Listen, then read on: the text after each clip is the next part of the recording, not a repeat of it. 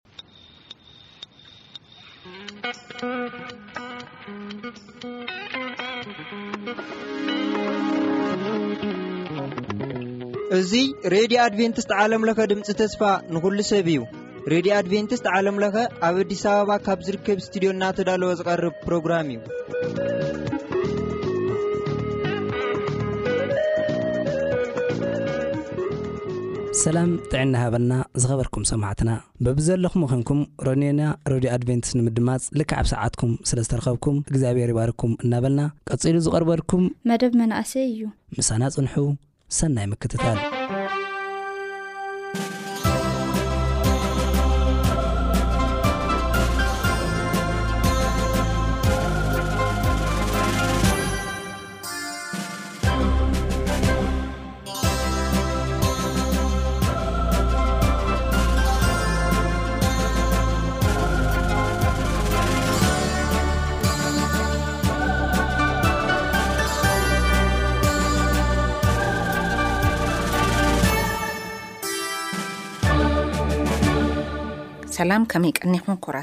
ተኸታተልቲ ሰማዕትና ቅድሚ ናብቲ ትምህርቲ ምእታውና ሓቢርና ክንጽሊ ኢና ንጸሊ ሕያዋይ ቅዱስ እግዚኣብሔር ኣምላኽ ነመስግነካ ኣለና ትማሊ ዝነበርካ ሕጂ እውን ዘለኻ ንዘለኣለም ትነብር ኩል ግዜ ስኻ ካዋና ስለ ዘይትፍለ ዝፈሊና ብዙሕ ነገር እንተድህሉ ነገር ግን ኩል ግዜ ነዛ ምድሪ እዚኣ ብምሕረት ዓይንኻ ስለ ትጥምታ ብናትካ ምሕረት ጥራሕ እዛ መዓልቲ እዚኣ ከም ዝተሳገርና ስለ ዝረእና ነመስግነካ ኣለና በኣርከስ ንዝሃብካና ዘበለ ኩሉ ብክብሪ ክንሕዝ ንስኻ ንትደልዮ ጥራሕ እንዳ ስራሕና ክንውዕል ንስኻ ሓግዘና ንሰማዕትና ዘበለ ኩሉ እስኻ ከም ፍቓድካ ክትባርኾም ንምሕጸነካ ስለ ሽመይ ስኢልካ መኣድና ባርኸልና ኣሜን በኣርከስ ናይ ሎሚ ሓቢርና ንሪኦ ክብራት ሰማዕቲ መደባትና ኣብ ቀዳማይ ሳሚኤል ዝርከብ ናይ ሓንቲ ንነዊሕ እዋን ጸሎታ፣ ንብዓታ፣ ጥያቄታታ ዘቕረበት ብዛዕባ ሓንቲ ሓንቲ ጓል ኣንስተይቲ ታሪክ እየ ክነግራኩም። እዛ ሰብ እዚኣ ንነዊሕ ዓመታት ቆልዓ ኣይረኸበትን። እዛ ሰብ እዚኣ ሰበይት መን እያ? ኣብ ቀዳማይ ሳሚኤል ከም ዝገልጾ ኣብ ኣርማቴም፣ ሙሴፋ፣ ኣብ እምባታት ኤፍሬም ህልቃና ዝስሙ እፍሬማዊ ሰብኣይ ነበረ። ንሱ ወዲ እያሪምኤል፣ ወዲ ኤሊ፣ ወዲ ቶህ፣ ወዲ ናሲብ ነበረ። ንሱ ኽልተ ኣንስቲ ነበርኦ። ስም እታ ሓንቲ ሃና፣ ስም እታ ካልኣይቲ ክዓ ፍናን ነበረ። ንፍናን ውሉድ ነበርዋ፣ ንሃና ግና ውሉድ ኣይነበርዋን። ሃና ኽዓ ንጐይታ ሰራዊት እግዚኣብሄር ክሰግድ መስዋእቲ ከቕርብን ከቕርብን በብዓመቱ ካብ ከተምኡ ናብ ሴሎ ይድይብ ነበረ። ካህናት ደቂ ኤሊ ኣፍኒንን ፊንሃስን ኣብኡ ነበሩ። እታ ህልቃናን መስዋእቲ ዘቕርበላ መዓልቲ ክትበጽሕ እንተላ ንፍናን ሰበይቱ ንዅሎም ኣወዳትን ኣጓላትን ደቃ ካብቲ መስዋእቲ ግዲኦም ሃቦም። ንሃና ግና እግዚኣብሄር ማሕጸና ዓጽዩ እኳ እንተ ነበረ፣ ስለ ዚፈትዋ ዕጽፊ ገይሩ ግዲኣ ሃባ።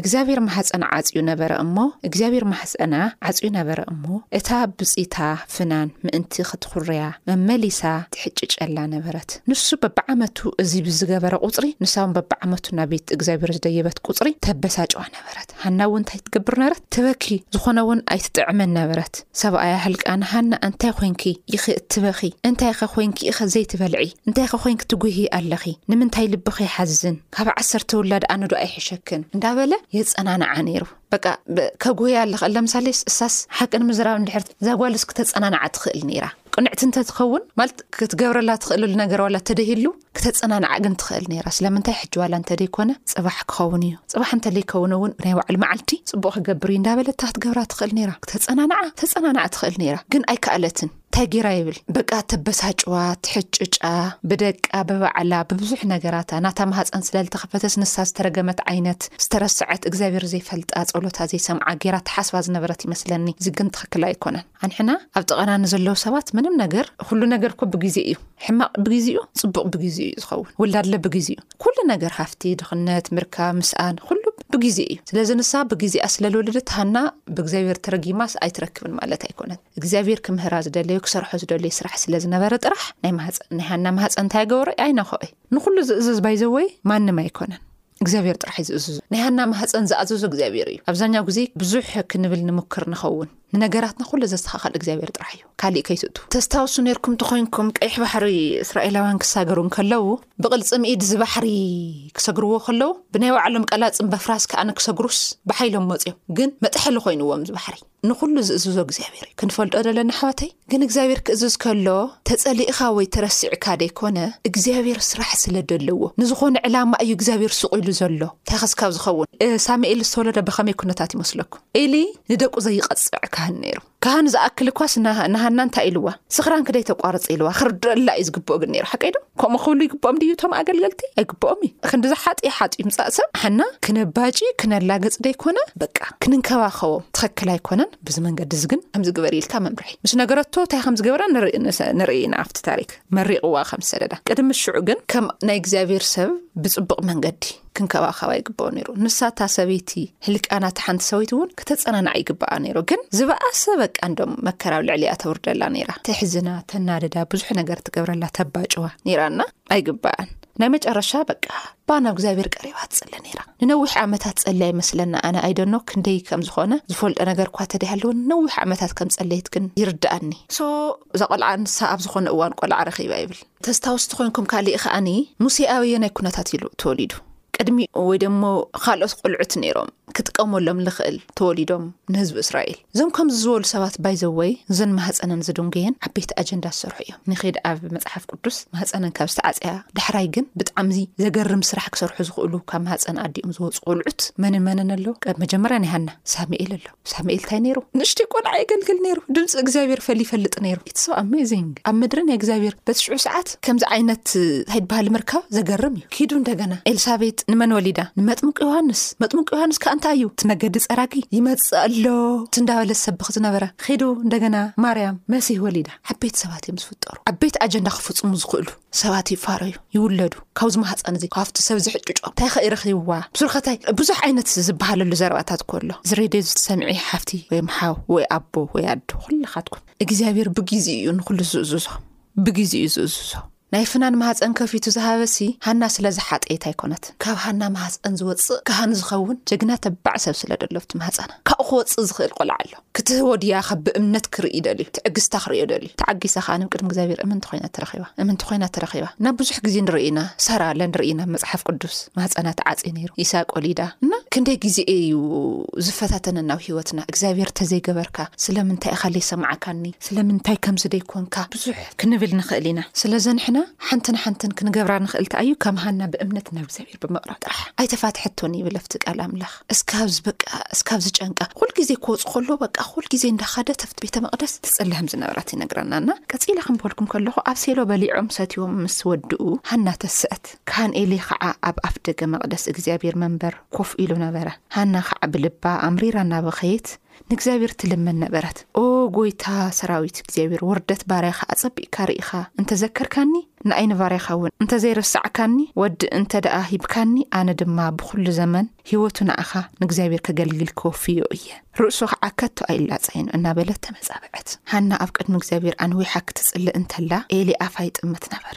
ሃና ብልባ እንትትጽሊ ከናፍራ ጥራሕ ይንቀሳቐስ ነበረ እምበር ድምጻ ከቶ ኣይተሰምዐን። ስለዚ ኤሊቡስ ሰኺራ ግዲ እያ ኢሉ ሓሰበ። መሊሱ እውን እዚ ስኽራን ክስካዕ መዓዝ እዩ ደጊም ስኒ ወይንኺ ካባኺ ኣርሕቕዮ በላ ይብለና። ከምቲ ቅድም ኢለ ድበልኩኹ ልሰኸረት መሲልዎ ኣይሰኸረትን። ብጣዕሚ ሓዚና ነይራ ብጣዕሚ ተረቢሻ ነይራ ተጎዲኣ ነይራ ውሽጣ ጥያቄታት ነይርዋ ክንደይ ክንደይ ሰብ እዩ ኣብዚ ዓለም በዚ ሰዓት እዚ ክንደይ ሰብ ውላድ ይብህግ ዘይበጽሖ ይፈልጦ እዩ ዓይነት ንሱ ውላድ ስለ ደለዉ ለይተረድኦ ክኸውን ይኽእል ንሳ ትብህጎ ትጥይቆ ጥያቄታት እግዚኣብሔርን ንሳን ጥራሕ እዮም ትፈልጥዎ እቲ ናይ ውሽጣ ግን እንታይ ኢላቶ ንሳ ግና ጎይታይ ኣይፋል ኣነስ መንፈሰይ ጓሂ ዝመልኣ ሰበይቲ እየ እምበር ወይንን ካሊእ ዘስክር መስተን ኣይሰተኹን ብፆሎት ደኣ ጭንቀይ ኣብ ቅድሚ እግዚኣብሔር እፍስስ ኣለኹ እቲ ክስካዕ ሕዚ ዘዛርበንስ በዝሒ ጓህን ሓዘንን እዩ እሞ ንኣይ ንኣገልጋሊትካ ከም ሓጢኣተኛ ሰበይቲ ኣይትቁፀረኒ ኢላ መለሰት ሽዑ ኤሊ ብሰላም ኪዲ እስራኤል ኩሉ ዝለመንኪ ይሃብኪ በላ ደስ ይብል ብጣዕሚ ምስ ባራካ ወዲያውን ከምኡ ኢሉ ምስ ባራካስ እንታይ ገበራ ይብል ኣብቲ መፅሓፍ ውርድ ኢልና ክንርኢ ከለና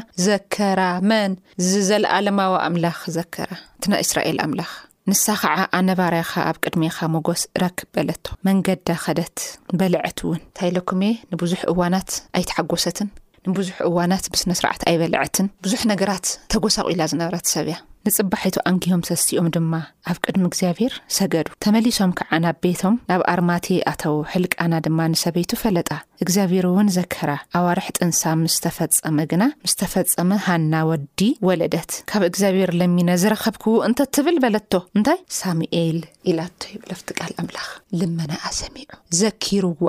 ረሲዕዋ ነይሩ ዶ ይኾን ግን ዘኪርዋ ዝብለው እዚ ቃል? ኖ ኖ ከምኡ ንማእለ ይኾን ይደልዩ። ይከታተላ እዩ ነይሩ። ግን እሱ ኣብቲ ዝደለዮ ሰዓት ንኣ ንጽቡቓ ምእንቲ ክኾነላ ጥራሕ እዚ ቆልዓ እዚ ብዛ ሰዓት ንሳ ማህጸና ከፊቱ ቆልዓ ሂብዋ። ሽዑ እንታይ ገበረት ይብል? ወለደት፣ ሳሚኤል ድማ በለቶ። ህልቃና ድማ ናይ ዓመቱ መስዋእቲ ሕሩድ መጽብዕኡ ንእግዚኣብሔር መስዋእቲ ከቕርብ ምስ ስድራ ቤቱ ናብ ሴሎ ደየበ፣ ሃና ግና ኣይደየበትን። ንሰብኣያ ህልቃና ድማ ኣነስ እዚ ህጻን ጡብ ክስካዕ ዝሓድግ ናብ ሴሎ ኣይድይብን እየ፣ ጡብ ምስ ሓደገ ግና ኣብ ቅድሚ እግዚኣብሔር ክረኣ ከብጽሖ እየ፣ ንሓዋሩ ኸዓ ኣብኡ ክነብር እዩ በለቶ። ደስ ይብል! ካህን ክኸውን፣ ኣገልጋሊ ናይ እግዚኣብሔር ክኸውን ኣወፍያቶ። እቲ እግዚኣብሔር ብክንደይ ዓመት ዝረኸበቶስ ካብኣ ተፈለያ ለለ ክነብር ግን ከም ዝተፈለያ ገይራ ይኮነት ቆፂራቶ ህያብ ናቱ እዩ ስጦታ እዩ ናይ ባዕሉ እዩ ምስ ዓበየ ከረክቦ እየ ይላቶ ሒልቅያና ድማ ፅቡቅ መሲሉ ዝተረኣይ ክግበሪ ጡብ ክስካዕ ኣትሕድግዮ ፅንሒ እግዚኣብሔር ከዓ መብፃዓኺ ይፈፅመልኪ በላ ንሳ ድማ ተረፈት ወዳ ጡብ ክስካዕ ዝሓድግ ከዓ እናጥበቦት ኣብ ገዝኣ ተቐመጠት እቲ ህጻን ጡብ ምስ ሓደገ ከኣ ሰለስተ ዓመት ዝገበራ ዝራብዕ ዓሰርተ ኪሎ ግራም ሕሩጭ፣ ሓደ ሓርቢ ወይንን ተማሊኣ ወዲ ሒዛ ናብ ሴሎ ደየበት። ናብ ቤት እግዚኣብሔር ድማ ኣእተወቶ። እቲ ህጻን ግና እቲ ህጻን ገና ንእሽቶይ ነበረ። እቲ ህጻን ገና ንእሽቶ ነበረ። እቲ ዝራብዕውን ምስ ሓረድዎ ነቲ ህጻን ናብ ኤሊ ኣምጽእዎ። ሃና ከኣ ጎይታ ጎይታይ ሰሚዑኒ። ነፍስኻ እውን ህያው ትኹን።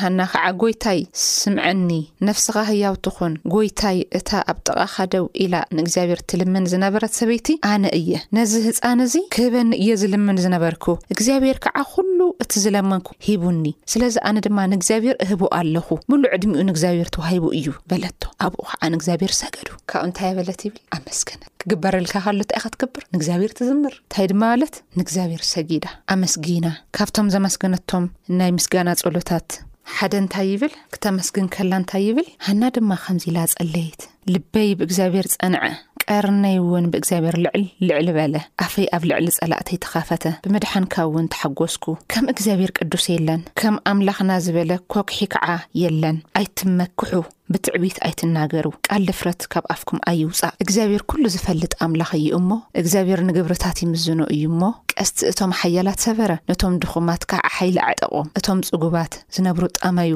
እቶም ጥሙያት ድማ ጸገቡ እታ መኻን ሸውዓተ ወለደት እታ ብዙሕ ዝወለደት ግና ደኸመት እግዚኣብሔር ይቀትል የድሕን ናብ ሲኦል የውርድ መሊሱ ከዓ የውፅእ እግዚኣብሔር ይድኪ የሀብትም የውርድ የልዕል ልዕል ልዕል እውን የብል ምስ መኳንንቲ ህዝቡ የቐምጦም ዙፋን ክብሪ ንኸውርሶም ነቲ ድኻ ካብ ሓመድ የተንስኦ ንምስኪን ካብ መሬት የልዕሎ መሰረታት ናብ ምድሪ ናይ እግዚኣብሔር እዮም ንዓለም ከኣ ኣብ ልዕ ኣንቢርዋ እዩ። ኣይትመክሑ ብትዕቢት ኣይትናገሩ ቃል ድፍረት ካብ ኣፍኩም ኣይውጻእ በቃ ኩሉ ናቱ ኩሉ ንእኡን ብእኡን እዩ ኢላ ትዛረብና ተኣማኒት ብእምነት ጸልያ እግዚኣብሔር ከኣ እንተ ኣማነ ኮይኑ እሳ ከኣ ንእግዚኣብሔር መጨረሻ ተኣማኒት ኮይና ከምዚ ዝኣምሰለ ኣገልጋሊ ከኣነ ወሊዳ ስለዚ ኣብዚ እንታይ ይብልሲ ንሱ ነእጋር ቅዱሳን ይሕልወን እቶም ሓጢ ግና ሱቕ ኢሎም ኣብ ጸልማት ይቕመጡ ሰብ ብሓይሉ ኣይስዕርን እዩ እሞ እቶም ምስ እግዚኣብሔር ዝጻልኡ ይደቁ ኣብ ሰማይ ኮይኑ ኣብ ልዕሊኣቶም የንጎድጉድ እግዚኣብሔር ክስካዕ ወሰን ምድሪ ይፈርድ ንንጉስ ሓይሊ ይህብ ንቐርኒ መሲሕ ከኣ ልዕል ልዕል የብሎ ድሕሪ ዝህልቃና ናብ ገዝኡ ናብ ኣርማቴ ከደ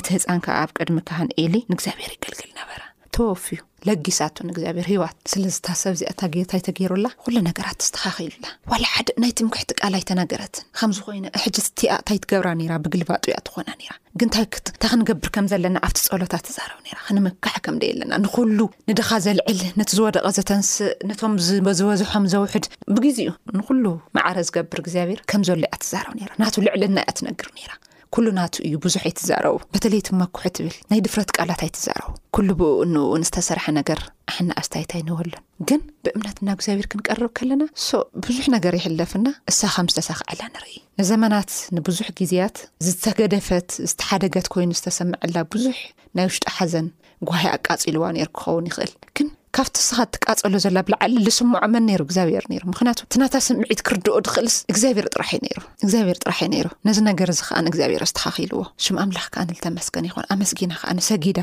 በዚ መንገዲ እዚ ኢና ንሕና ንእግዚኣብሔር ክነገልግሎን ክንርድኦን ክንሕዞን ዝግበአና ብኣርከስ ካብዛ ናይዚ ኣሓፍቲ ታሪክ እዚ ከም ዝተምሃርኩም ተስፋ ይገብር ዝሰማዕኹም ኣሕዋት ኣዴታት ኣቦታት ኩላኻትኩም እግዚኣብሔር ብግዚኡ ጽቡቕ ንኽገብር ሱቕ ኢሉ ዘሎ እምበር ናይ ማንም ጸሎት ኣይነዓቐን ወይ ዝተረስዐ ዝበሃል ነገር የለን ብግዚኡ ግን ንኹሉ እንተሃገብሮ እዩ ከስተኻኽሎ እዩ ብግዚኡ ናይ ሃና ታሪክ ከም ዝቐየረ ማህፀና ካፊቱ ዝመስል ናይ ቤተ መቕደስ ኣገልጋል ዝኾነ ቆልዓ ተዋሂዋ ሽም ኣምላኽ ዝተመስገነ ይኹን እምበኣርከስ ካብ እግዚኣብሔር ንደልዮ ብምሉእ ነገር ንጠይቕ ብምሉእ ሓንቲ ከየቕረና ንኻሊእ ኸማን ብዙሕ ዓለም ሕጂ ብዙሕ ነገር ይሙከር እዩ እስከ በዝ ተኸድኩ እስከ በዝ ተኸድኩ ብዙሕ ንምኩር ኢና ንእግዚኣብሔር ንደርውዮ እግዚኣብሔር ከመይ ከም ዘስተኻኸሎ ይፈልጦ እዩ እንታይ እሞ ክብለኩም እግዚኣብሔር ዘይስተኻኸሎ ነገር የለን ጸሊኹም ጸሊኹም ኣብ ሰማይ ናይ ጉሓፍ ባስኬት ዘሎ እንተ ደኣ ኮይኑ ተተሰሚዐኩም የለን ጸሎት ብግዜኡ ንክምለስ ጥራሕ ትዕግስትን ዓቕምና ንክፍትን ጥራሕ እግዚኣብሔር ሱቕ ድብል ወይ ከም ኣድላይነቱ በታ ተድሊ ሰዓት ክብስ ተደልዩ ጥራሕ እግዚኣብሔር ሱቕ ድብል ኣብዘይድሊ ሰዓት ዝነገር ንሰሂወዩ ንኣና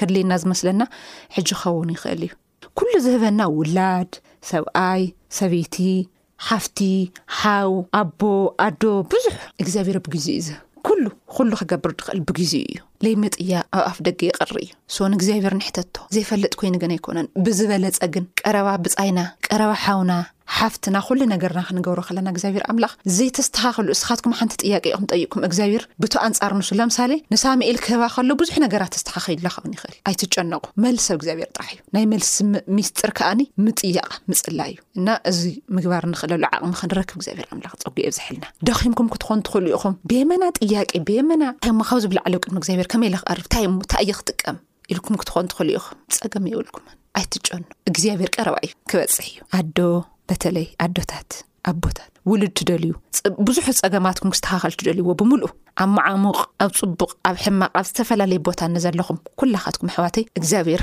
ብናይ ባዕሉ ሰዓት ኩሉ ግዜ ክስተኻኸለልኩም ቀረባ እዩ ንዚ ነገር እዚ ንክገብር ግን እምነት ጥራሕ ንኡ ጥራሕ ጠይቕዎ እግዚኣብሔር ከዓ ንክገብር እዩ ንዘይገብር ኣምላኽ ይኮና እንተፋሊጥና ዝገብር እዩ ናይ ብዙሓት ማህፀን ብዘገርም እንዳኸፈተ ዝገርሙ ሰባት ዓበይቲ ሰባት ክፈጥር ክፈጥር ከሎ ንርኢ ካብዚ ዓብይ እንታይ ኣሎ ማህፀን ለኮር ርኹስ ነገር ትወልድ እያ ንደቂ ኢልታይ ድዩ ኣብ ቤተ መቅደስ ሕማቅ ዝገብሩ ዝነብሩ ሰባት ኩ እዮም ወድሃና ግ እንታይ ሩ ተኣማኒ ነይሩ እዚ ድለረእይዎ ከምዝውን እዮ እግዚኣብሔር ብግዜ ፅቡቅ ነገር ክሰርሕ እንተደልዩ ጥራሕ እዩ ዝዱንጊ እዚ ነገር ብናይ እግዚኣብሔር ግዜ ተፀበይቲ ክንኸውን ከኣ እግዚኣብሔር ኣምላኽ ትዕግስቲ ይሃበና ጠይቅዎ ሕተትዎ ንጥያቄታትና መልሲ ኣብ ቅድሚ እግዚኣብሔር ምቅራብ ክንኽእል ከኣ ንእግዚኣብሔር ኣምላኽ ጸጉ የብዝሐልና ተባረኽ ሆሳና ይቀነ ናይ መወዳእታ ጸሎት ሓቢርና ክንገብር ኢና ንጸል ነመስግነካ ሕያዋይ ጓሳ ብእምነት ኹሉ ነገርና ከም ተስተኻኸል ናይ ብዙሓት ማህፀን ዝኸፈትካ ኣምላኽ ሕጂውን ብዙሓት ስዲታት የሕዋት ኣቦታት ብዙሓት ጥያቄታት ብዙሕ መልስ መልሲ ክህልወሎም ዝደልይዎ ታሪኻት እንተደኣ ሃልዩ በዛ ዕለት እዚኣ ኣብ ዘለዎ እስኻ ክትበፅሕ ንምሕፀነካ ትኽእል ኢኻ ቃልካ ጥራሕ ለኣኽ